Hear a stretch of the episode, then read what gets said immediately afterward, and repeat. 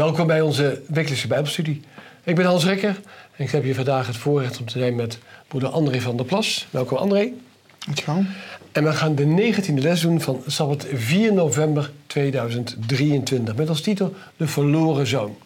Een uiterst bekend verhaal, wat we niet helemaal ten diepste hoeven eerst uit te leggen waar het over gaat. Maar de diepe betekenis zit er vooral in wie is verloren, wat is verloren en hoe ga je daarmee overweg. Voordat we al die diepte ingaan, gaan we eerst in gebed op met broeder André.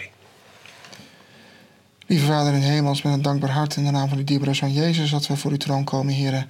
Om u dank te zeggen, hebben, dat, u dank te zeggen dat we deze gelegenheid hebben om met elkaar uh, de les door te nemen, die in dit geval gaat over de verloren zoon. Help ons, heren, om uh, de juiste uh, punten uit deze les naar voren te brengen. En dat we toch ook geraakt mogen worden door de boodschap. En dat we toch ook allemaal als een verloren zoon ons mogen, mogen zien. En dat we toch ook weer, in welke situatie of hoedanig wij het ook, zo'n, ook zijn, dat we toch ook mogen terugkeren tot onze Hemelse Vader. Dus in zijn naam is in de naam van de dierbare Zoon Jezus Christus, Heer, dat u dit vragen. Amen. Amen. Ja, toch maar even in, in het kort hebben we even die gelijkenis in onze woorden vertellen. Uh, dat gaat om een vader die twee zoons. Een rijke vader met veel knechten. En wat zie je? Uh, de jongste zoon die, uh, ja, die wil van het leven genieten. En die, die vraagt aan zijn vader de erfenis. Zijn vader geeft het hem. En hij neemt het geld, gaat weg, verbrast het. En uiteindelijk komt hij tot inkeer. En komt weer terug. En het mooie in dit verhaal is, zijn vader ontvangt hem hartelijk en zijn oudere broer is boos. Weet je, dat is in een nutshell zo'n verhaal. En we gaan eens kijken, wie zijn wij af en toe? En wie is nou die vader? Welke rol vervullen wij erin? Zijn wij nou de verloren zoon of zijn we die boze broer? Of zijn het af en toe allebei? Misschien wel eens zo. Ja. Dat is een beetje de gelijkenis op zich. Uh, ja, je zou kunnen zeggen dat gedrag van hem... Ja, onrechtvaardig. Een beetje verwend jochie. Uh, ja, ik, ik, op voorhand vind ik wel wat van, voor zulke kinderen. Wat zou jij nou vinden als Sarah, de jongste van jou? Ja, pap, ik had zo gedacht uh, te gaan. Kan ik even cashen? Ja, ik zou er niet aan moeten denken. Ik, uh, ik zou het erg brutaal vinden. Ja. Ik denk van ja, wat heb je eigenlijk uh, gedaan voor, voor, voor mij als, als dochter? Wat bedoel, ieder, als vader heb ik verplichtingen naar mijn dochter toe. Ja. Maar een dochter heeft ook bepaalde verplichtingen. En verwachtingen heb je natuurlijk ook uh, uh, naar mij toe. Dus wat dat betreft, ja, als je ineens gaat aanspraak gaat maken voor iets wat, wat nog helemaal niet aan de orde is, is het natuurlijk best uh, vergezocht. Dat is ons menselijke antwoord als vaders. Dus we, we zeggen eigenlijk van, nou, we, we voelen er helemaal niks voor. Nou, eerste vraag.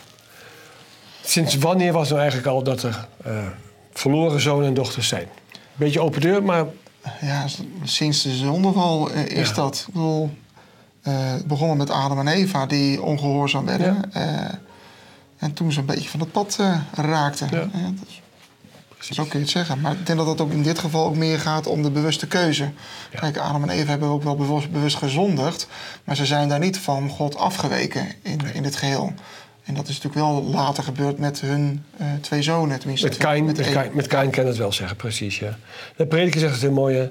God heeft de mensen recht gemaakt, want ze hebben vele vonden gezocht. Ja. ja. Om toch maar bewust te zijn dat het, dat het, niet zomaar iets is wat er zo gebeurt, hè, wat logisch is en wat, uh, wat je geërfd hebt, waar je niks aan kan doen. Uh, dat is het tweede deel van de vraag. Welke twee kwaden ziet God dan vermenigvuldigen op aarde, die steeds, dus steeds meer toenemen? Ja, het ene kwaad, tenminste, dat is, kun je als een kwaad zien. Mm -hmm. Op zich is dat niet zozeer een, een, een zonde aan zich. Maar dat is dat uh, God merkt dat er steeds meer afkeer is naar hem. Ja. Steeds minder mensen aanvaarden ja. God uh, als, als, als, schepper. Ja. En als de, ja, de grote maker, de grote baas van het universum. En het tweede kwaad die je dan erin kan zien, is de gevolgen daarvan. Dus omdat mensen zich afkeren van God uh, en hun eigen weg gaan. Uh, worden ze daarbij ook nog een keer beïnvloed door Satan. Uh, ja, is 1 en 1 2. En stapelen die zonden stapelen zich alleen maar op. En ja. vermenigvuldigt zich dat alleen maar. Ja. En Jeremia omschrijft het hem. Ze hebben mij is God in dit geval, de bron van levend water hebben ze verlaten om zich bakken uit te hakken. Lekkere bakken die geen water houden. Hè, dat is de overdrachtelijke zin. Dat je iets moois wegdoet en daar iets slechts voor terugneemt. En we zullen zo in dit verhaal ook zien... degene die voor het slechte kiest, denkt dat hij het goede kiest. Want niemand kiest bewust voor het slechte. Die denkt echt dat hij het goede kiest. Of beter voor hem dan, laat ik het zo zeggen. Niet het goede, maar het beter voor hem of haar. Ja, nou ja.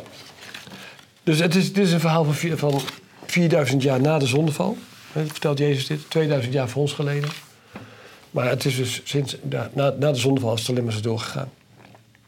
In de opmerking zie je vooral dat het bij deze zoon gaat over zijn ge- gedrag.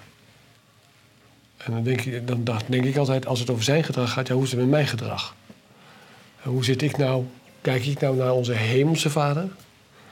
Ehm, dit gaat over levend water en bakken. Wat doe ik nou met de mooie wagen die ik, heb, die ik ken, die ik gekregen heb? Nou, de tweede vraag, André. Wat heeft nou de jongere broer verspild? Eh, nou goed, hij heeft het vermogen van zijn vader, wat uitgedrukt was in goederen, want hij had gewoon een, Ja. een livestock, een, eh, een veestapel, eh, daar heeft hij van gekregen. Ja. En dat heeft hij zelf moeten verzilveren. Dus hij heeft zelf die goederen eerst moeten verkopen. En toen hij dat eenmaal verkocht had, heeft hij daar geld voor teruggekregen. Dat is ook wat makkelijker als je naar een ver land reist. Dan ga je niet met een hele karavaan aan eh, Kamelen, kamelen en, en schapen ga je op weg. Ja. Nee, dan is het wat handzamer als je daarvoor Ja. geld heeft wat je kan uitgeven. En dat vermogen, ja, dat heeft hij dus eh, in het buitenland heeft hij dat, eh, heeft hij dat uiteindelijk uitgegeven. En later zullen we zien eh, waaraan. Nou ja, uitgever, dat staat in deze tekst op een hele mooie manier. Hij verkwiste daar zijn vermogen. En wat voor leven wat hij hier genoemd? Een losbandig leven. Hij verbraste het. Ja, hij verbrast het gewoon, ja. ja. Verbrassen is ook iets dat je het verspilt. Ja, verspild zegt dat ook al. Dat is onnodig geld uitgeven. Ja. Dat is het. Ja. Ehm, we weten niet precies waarmee, maar we zien ook dat hij... eh, in de opmerking zien we dat hij veel slechte vrienden heeft. Hè? Nou, die komen een beetje als vliegen op stront af altijd, slechte vrienden. Ja, en dan zie je dus gewoon geld er doorheen gejaagd. Hè? Feesten en beesten, zou ik tegenwoordig zeggen. Ja, de derde vraag, de, de- dan zie je ook dat dat verkwisten heeft ook zo zijn gevolgen. Eh, hier zijn wel omstandigheden die er gelijk bij komen. Eh, want zijn geld gaat op enig moment op. Wat kwam er nou bij? Nou, hij had eerst had natuurlijk in luxe geleefd. Eh, Ja. Want zuster Wijd zegt nog in die opmerking bij vraag 2... dat hij het verkwiste in een leven van overdaad. Ja. En we weten allemaal, overdaad gaat. Dus als je ineens van het ene uiterste... dat je je helemaal v- volvreet... eh, ineens komt eh, aan het einde van je salaris... dat je denkt van, eh, aan je vermogen... dat je denkt van, oké, ik kan niks meer kopen. Hij had niet eens meer geld om een snee brood te kopen. Nee, niks meer. Dat werd nog een keer verergerd, om op je vraag te komen, Ja. door een hongersnood. Dus ook al zou hij geld gehad hebben, dan was het eten schaars. Of moest je dat voor heel veel geld, kon je, eh, Precies. kon je het bemachtigen. Ja. ja, dan krijgt hij een baantje als varkensoppasser. Toch een beetje geld te verdienen, maar had niks meer. Dan, eh, maar hij verdiende nog steeds zo weinig dat hij zelfs... de schillen van de varkens wilde hij graag eten. Ook die kreeg hij niet. Maar die kreeg hij zelfs niet te pakken. Dat, en schillen zijn afval, hè? Dat is gewoon afval van dat. Ja. En dan gaat het tweede deel van de vraag is... hè, wat, wat doet Satan nou met de gelovige die ja, van het geloof afvalt... die zijn hemelse vader verlaat? Want dat is natuurlijk de, over, de eerste les al die voor ons erin zit. Ja, Satan die probeert natuurlijk altijd de mensen eh, te doen voorkomen alsof ze heel veel vrijheid daarin hebben. En alsof juist Gods wet heel beperkend is. Dus oh, die tien, oh, dan moet jij dit en dan moet jij toch dat van je geloof. Terwijl je eigenlijk moet bedenken van ja, die omheining is alleen maar als een bescherming voor jezelf. Ja. En terwijl je eh, Satan juist zegt van ja, maar als je juist buiten dat hek gaat, dan heb je de hele wereld heb je voor je, alle vrijheid. En dat is dus ja, die, die schijnbare eh, beperking die ook de, die verloren zoon voelde, waardoor hij de noodzaak voelde bij zichzelf om weg te gaan bij zijn Ja. vader en van zijn huis en haard. Ja, als zondaars jou willen verleiden, bewillig er dan niet in. Staat er in Spreuken 1 vers 10. Ik dacht, toen jij dat dacht ik aan het voorbeeld van eh, paarden, schaapjes en koeien. Als ze in de wei staan en een hek hebben, dan willen ze altijd het gras hebben wat achter het hek staat. Dat is ook zo heel raar iets. Dan zie je die, die kopjes onder het hek doorkruipen. Dat, de, dat gras daar blijkbaar wat langer, wat groener, Ja, wat ietsje- malser. Nou, zoiets, hè? En dat is een beetje wat, wat, wat hier ook in staat.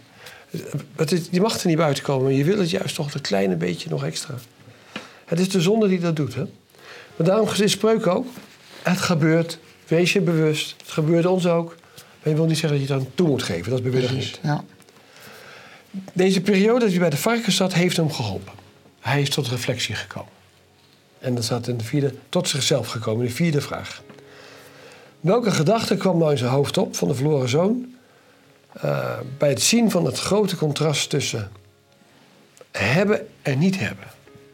Nou, hij zelf zag dus die schillen liggen die hij graag wilde hebben, maar die hij niet kreeg. Nee. Toen dacht hij dus aan die dagloners van zijn vader, Ja. die in dienst waren. En die hadden, ja, hij noemt dat dan brood in overvloed. Maar ze hadden gewoon normaal brood. Ze hadden aan niks tekort. Het was geen overdaad, wat hij zelf daarvoor eh, het leven leidde. Maar ja, dat verschil is dan wel in overvloed hebben. Precies. En hij kwam daar gewoon om van de honger. Ja. Zijn maag in orde. Je moet je voorstellen, kijk, in die tijd was het zo blijkbaar... dat als je dan als dag gehuurd had voor die dag... dat je niet alleen geld kreeg, maar ook, ook werd gevoed. Dan kreeg je twee maaltijden of zo en, dan, eh, en, en salaris. Dus je kon lekker eten. Ja, dat herinnerde hij zich nog. Mhm. Dat die mensen daar aan die tafel zaten en dan kregen ze eten. En daarna moesten ze weer naar het land om te werken, ongetwijfeld. Die hadden het beter. En wat zegt hij dan als eerste? Dat vind ik zo mooi, hè? Dat is zijn inkeer en zijn ommekeer. Eigenlijk is dit zijn bekering. Want hij zegt letterlijk: Ik ga opstaan naar mijn vader en ik zeg tegen hem: Vader, ik heb gezondigd tegen de hemel en tegen u. Vind ik mooi, die volgorde. Daar gaan we zo nog over hebben. En ik ben niet meer waard uw zoon genoemd te worden, maak me toch een dagloner. En dat vind ik mooi. Hij, hij is niet terug te zeggen: Ja, maar ik ben uw zoon toch voor. Nee, hij heeft volledige nederigheid. Hij is tevreden met het dingetje wat hij krijgt. Zoals ik wel eens gelezen heb, hè, je mag blij wezen als je straks in een hoekje in de hemel zit, in het verste hoekje, als je maar bent. En dat zegt hij ook. Als ik maar er ben. Maar ja, wat was dan de reactie van zijn vader toen hij daar aan kwam lopen? Ja, het was zo dat hij de, al die tijd op de uitkijk stond. Want hij wist niet Ja. waar zijn zoon uitging. Maar hij had wel het verlangen om Ja. hem toch weer terug te zien. En toen hij dus hem in de verte zou aankomen... toen kwam zijn vader dus al hem tegemoet gesneld. En ja, hij viel hem om, om, om, om zijn hals heen. En hij gaf hem ook, eh, ja, wat ook heel gebruikelijk was... Hè? hij kuste Ja. zijn zoon. Ja. ja, dat vind ik mooi. ook. Hij heeft dan vieze kleren aan. En dan zie je toch het beste gewaad wat hij krijgt. Ja. We weten dat het het symbool is van de kleur- gerechtigheid van Jezus Christus. Want dan ziet de hemelse vader alleen maar de gerechtigheid van Jezus... en niet onze slechte aard en natuur. En dat zie je in dit geval ook. En dan beginnen ze een feestje te bouwen. Hij is blij, want zijn zoon is terug. Hij was dood en is levend geworden. En dat feestje. Dit is het mooie, hartelijke van... dat God eigenlijk zo over ons denkt. Dus wat je ook gedaan hebt. Hoe ver je afgezakt bent. Als je op je stappen terugkomt. En je zegt ik heb gezondigd. Spijt me. Sorry. Ik, ik ga het niet moeten doen. Dat zegt hij meer... Hij geeft ook geen, verder geen smoezen. Eh, hij gaat ook niet zeggen van... ja, maar het, zag er zo goed uit en ik dacht dit. En, ja, maar ik, en allemaal verontschuldigd. Hij zegt gewoon, ik heb gezondigd. Klaar. En dan is het genoeg. Als je het meent. Want daar gaat het. Wij menen het oprecht. Hè. Het mooie is ook, dit was natuurlijk ook geen losbandig feest. Eh, en dit was ook een feest met een reden. Dit was een Al de feest. feestjes die hij vierde... eh, dat was een feest dat om was feesten. feest om feesten. Ja. ja. En hier was er een reden toe. Nee, dus wat je ziet zijn soort, soort drie stappen, wat ik, wat, ik, wat ik denk. Het eerste is, hij krijgt inzicht door die varkens, een honger. En dan neemt hij een besluit tot bekering. Dat moet je dus doen in het leven, je moet een besluit nemen. Ja, en dan zie je ook de verandering, want daarna is het leven... Het verhaal gaat niet verder. Heeft hij zich gezetteld in de... Nou, dat is ook nog die derde stap, is het actie nemen. Want hij, is- hij kwam tot inkeer, hij stond op en hij ging Ja, naar zijn vader. en je moet doen. Dus je moet inderdaad dan ook wel die actie Ja, ondernemen. ja.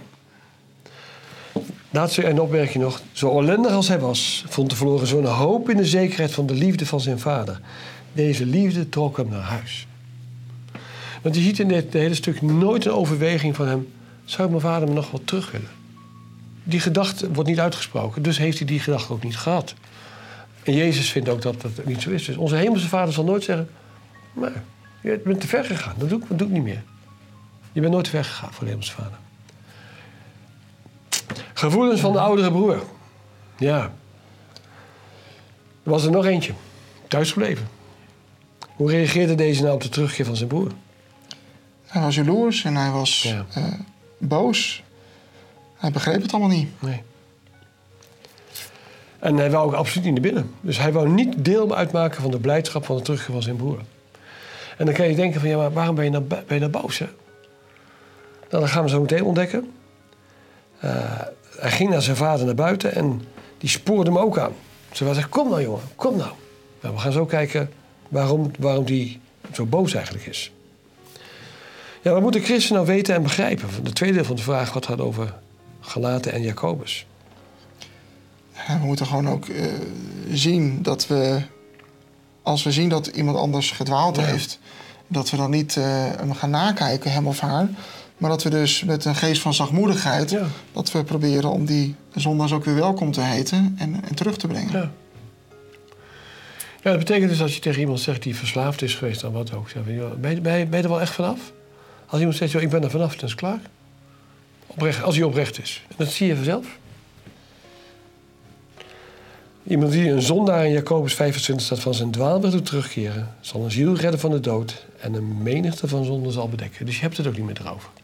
En dat is het andere mooie stuk van dit geval ook nog een keer. Ja. Laten we toch even bij die oudere broer blijven. Want in de opmerking gaat het een paar keer erover. Eh, waar, waar, waar, waar zijn, hij, zijn, hij had jaloezieën, afgunst. Dus dat betekent dat hij eigenlijk misschien zelf wel graag dat losbandige leven had willen hebben. Dat denk ik wel. Dat is wat ik ook zei. Hij was jaloers eigenlijk. Ja. Van, joh, hij heeft het al, die, Hij mocht- al het geld heeft hij verbrast. En nou wordt hij met open armen wordt hij weer door, door mijn vader. Wordt hij, Had ik ook wel willen doen eigenlijk. Want dat, dat, dat proef je het is zo een soort van spijt bijna Ja. wat, hij, Ja. wat hij ervan heeft. En hij, de, de, de, het laatste op de zin van de opmerking zegt ook... de liefde die aan de verloren zoon bewezen... beschouwt hij als een belediging jegens hem. Dat is trots. En tro- hoogmoed komt voor de val. Dus hij dacht dat hij beter was. Maar dat is natuurlijk niet zo. We blijven nog even in deze scène. In de zesde vraag. Hè.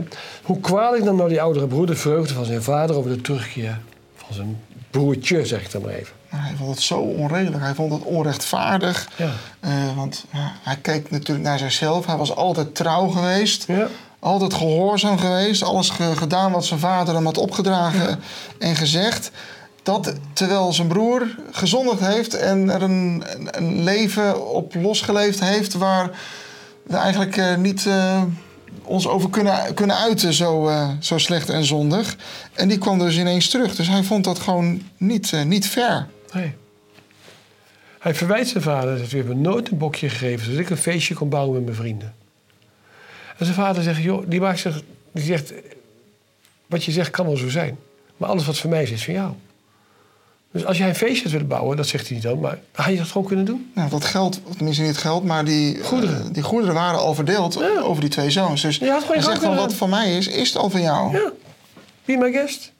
Kijk, wat we terugzien bij deze oudere broer is een... Zometeen wat nog één keer verder en dieper gaan, is werkgerechtigheid. Dus hij dacht dat de liefde van zijn vader te krijgen door heel veel voor hem te doen, terwijl hij er geen zin in had. Kinderen die het uit liefde doen voor hun ouders is mooi, maar als je er geen zin in hebt, ja, dan stoppen er maar mee. Werkgerechtigheid schiet niet op. Dus met welke motieven Ja. doe je het? En je zie je dus ook hoe oprechte liefde dus ook veel belangrijker is dan al die uiterlijke tradities. En ja, Ja. En het tweede deel van de vraag hebben we al gehad, hè, wat hij voelde en beweerde. Maar laten we naar het laatste stukje gaan. Wat zei Christen over de Joodse tradities, want daar begon je net over. In tegenstelling tot de liefde die uit het hart komt. nou, zelf zegt hij erover van eh te vergeefs eh, eert dit volk mij met de lippen, maar hun hart is verder van mij. Dat is eigenlijk iets wat uit het Oude Testament Ja. eh, komt. Ja. En Jezus herhaalt die woorden in Matthäus 15 vers 8. En dan zegt hij, ja, het volk nadert mij met hun mond. Het eert mij met de lippen, maar het hart, dat houdt zich ver van mij vandaan. Precies. Het betekent uiteindelijk dat tradities iets moois zijn als ze een functie hebben. Maar de traditie is niet heiliger dan het gebod. Eh, ik neem maar een mooi voorbeeld. Hè. Wij, zitten hier eh, eh, net- netjes. We, hebben, we, hebben- we zitten, smart casual heet het, een mooi woord. Hè. Dus we hebben een pak aan met een overhemd, maar geen stropdas. Twintig jaar geleden hadden we dit zeker niet moeten doen. Dan hadden we minstens heel veel brieven gekregen. Toen kreeg je ook geen mails. Hadden we ongetwijfeld brieven gekregen. Dan zeggen je kan niet zonder stropdas met een video opnemen. Dat is traditie. Traditie is nu gewoon, de gewoonte is geworden dat het tegenwoordig smart casual, dat het gewoon prima is. En dat het wat ontspannender lijkt in plaats van met een strakke strop of zo te zitten. Dat is traditie. Dat gaat dus niet over eer of oneer, al die dingen. We zitten nog steeds netjes, alleen anders dan de gewoonte en de traditie doet. En hij vond traditie belangrijker. En zodra wij traditie belangrijker gaan vinden dan liefde voor onze naasten, dan zijn we de oude zoon. Dan zijn we de oudere zoon. Precies, ja. De oude zoon, ik bedoel de oudere Nee, broer. De- brave broer. We kunnen best wel nu de vraag stellen: wie was nou de verloren zoon? Dat is grappig, hè? Het verhaal van de verloren zoon steek je in op, op drie manieren uitleggen. De bekendste is natuurlijk gewoon de jonge, de jonge jongen die zijn leven verbraste toen de inkeer kwam. De andere is, zijn vader was hem kwijtgeraakt. Had hem, die had een verloren zoon. Maar als je naar deze vraag komt, die, hier is iemand verloren voor de eeuwigheid. Want ja, hij komt niet door de inkeer. Hij verhardt zijn hart. Dus ook voor ons belangrijk is, wat vinden wij belangrijk om te zorgen dat wij niet allemaal zelf een verloren zoon worden. Precies. En die opmerking vond ik wel mooi. Ik had hem wat vlug gelezen, deze tekst ook, hè, maar die laatste zin. Laten we die tekst maar even lezen, hoe hij zijn vader aanspreekt over zijn broer. En dat is op zich wel mooi. Hij zegt letterlijk, hij noemt hem ook niet zijn broer, maar hij noemt hem uw zoon. Dat is natuurlijk schrikken. Daarmee zet je iets op afstand. Daarmee zeg je niet, het is ook mijn, mijn, mijn bloedgenoot. Je distancieert je letterlijk. Volledig, hè? Volledig. Ja. ja, dat heet koud en koel. Dat helpt niet. De laatste vraag gaat over bruggen bouwen. En dat is nodig omdat we anders nergens komen. Er blijft altijd een verschil van inzicht van sommige dingen ontstaan. En daar moet je overheen komen. Welke twee klassen van mensen vertegenwoordigen de twee broers in deze gelijkenis dan ook? Ja, dat zegt eh zuster Wijd dan in de aangehaalde opmerking aan de les van het leven van alle dag. In feite heb je aan de ene kant heb je dan de onboedvaardige Joden en de Fariseeën. Ja, En aan de andere kant heb je dan de tollenaars en de zondaars. Ja. ja precies. En de tollenaar zegt, wees mijn zondag genadig. En, die, en dat is deze zoon ook. Precies hetzelfde als de tollenaar. Er was niks goeds wat hij gedaan had. De tollenaars hebben ook niks goed gedaan. Maar er is inkeer en bekering en bewustzijn van schuld gekomen. Deze twee klassen. Als we nou tot de inkeer komen en beseffen waar we staan, dan hebben we een opdracht gekregen. En daar eindigt deze les ook mee met een opdracht. Welke opdracht geeft Jezus nou aan zijn eerste discipelen en ook aan ons in deze eindtijd? Ja, dat is in feite allemaal ook de verloren schapen. Ja, Hè? Er waren verschillende gelijkenissen die Jezus heeft aangehaald. Je had het, eh, de, de verloren penningske. Eh, en dan heb je het verloren schaap. En in dit geval heb je dan de verloren zoon. ja. En daar zijn net drie gradaties in. Een, een materieel iets dat heeft geen geweten, dat, is, dat weet niet, beseft niet dat hij verloren is. En een verloren schaap die heeft wel Gaat eh, als je- kennis van, Ja. oh ik ben verloren, maar die weet niet de weg terug te vinden. Nee. En een verloren zoon, die kan die kennis wel hebben. Hij komt terug. En als je tot één keer komt, dan Ja. heeft hij de mogelijkheid om zelf ook terug te keren tot eh, de hemelse vader. En Jezus zegt van, nou ja, om dan terug te komen met die schapen, zoek de verloren schapen van het huis Israël. Dat betekent dat we moeten aankondigen... het koninkrijk van de hemel is nabijgekomen. Het is de Elia-boodschap. Het is de Johannes de Doper-boodschap. Het is de boodschap die wij niet moeten doen omdat Jezus gauw weer komt. Bekeer je alsjeblieft, want het koninkrijk van de hemel is nabijgekomen. Oproep aan iedereen, ook aan onszelf. Zodat we klaar zijn als Jezus weer komt. Heb je nog iets uit de voor verdere studie? Alleen het laatste stukje heb ik dan nog eh, aangehaald. Daar staat: Als het ijs van zelfzucht in uw hart is gesmolten, zult u meevoelen met God en delen in zijn blijdschap om de verlorenen te redden. Ja, dat is mooi hè? Dus pas als we zelf niet meer zo kil en afstandelijk zijn als die brave broer. Nee. En als we dan gesmolten zijn, dan hebben we ook meer gevoelens. En dan kunnen we ook meeleven. En dan zullen we meer empathie ook hebben. En zullen we ook weten van oké, er zijn nog veel meer mensen die gered moeten worden. En zullen we ook met God delen als er een verloren ziel tot inkeer is gekomen. Deze hele les die, die, die straalt uit van... het helpt niet of je veel voor God doet. Het helpt ons niet om hier een video op te nemen. Als we denken dat daardoor een wit voetje te halen bij God. Het helpt ons niet als we nog meer, meer gaven geven dan, dan de tiende en extra. Het helpt wel als we meer gevoel en medeleven krijgen. Als we dus de verloren schapen gaan zoeken. De mensen die het nodig Als je hebben. het doet met de juiste Als we de liefde van Jezus uitstralen. Precies. Onze wens en gebed is in dit geval dat wij zelf niet het verloren schaap, de verloren penning of de verloren zoon mogen zijn. Dat we gered worden door het bloed van Jezus Christus. Het is niet omdat we beter zijn, maar omdat Jezus voor ons gestorven is. Dat we dat inzicht krijgen en de Hemelse Vader ons met open armen ontvangt. Graag zien we de volgende keer weer.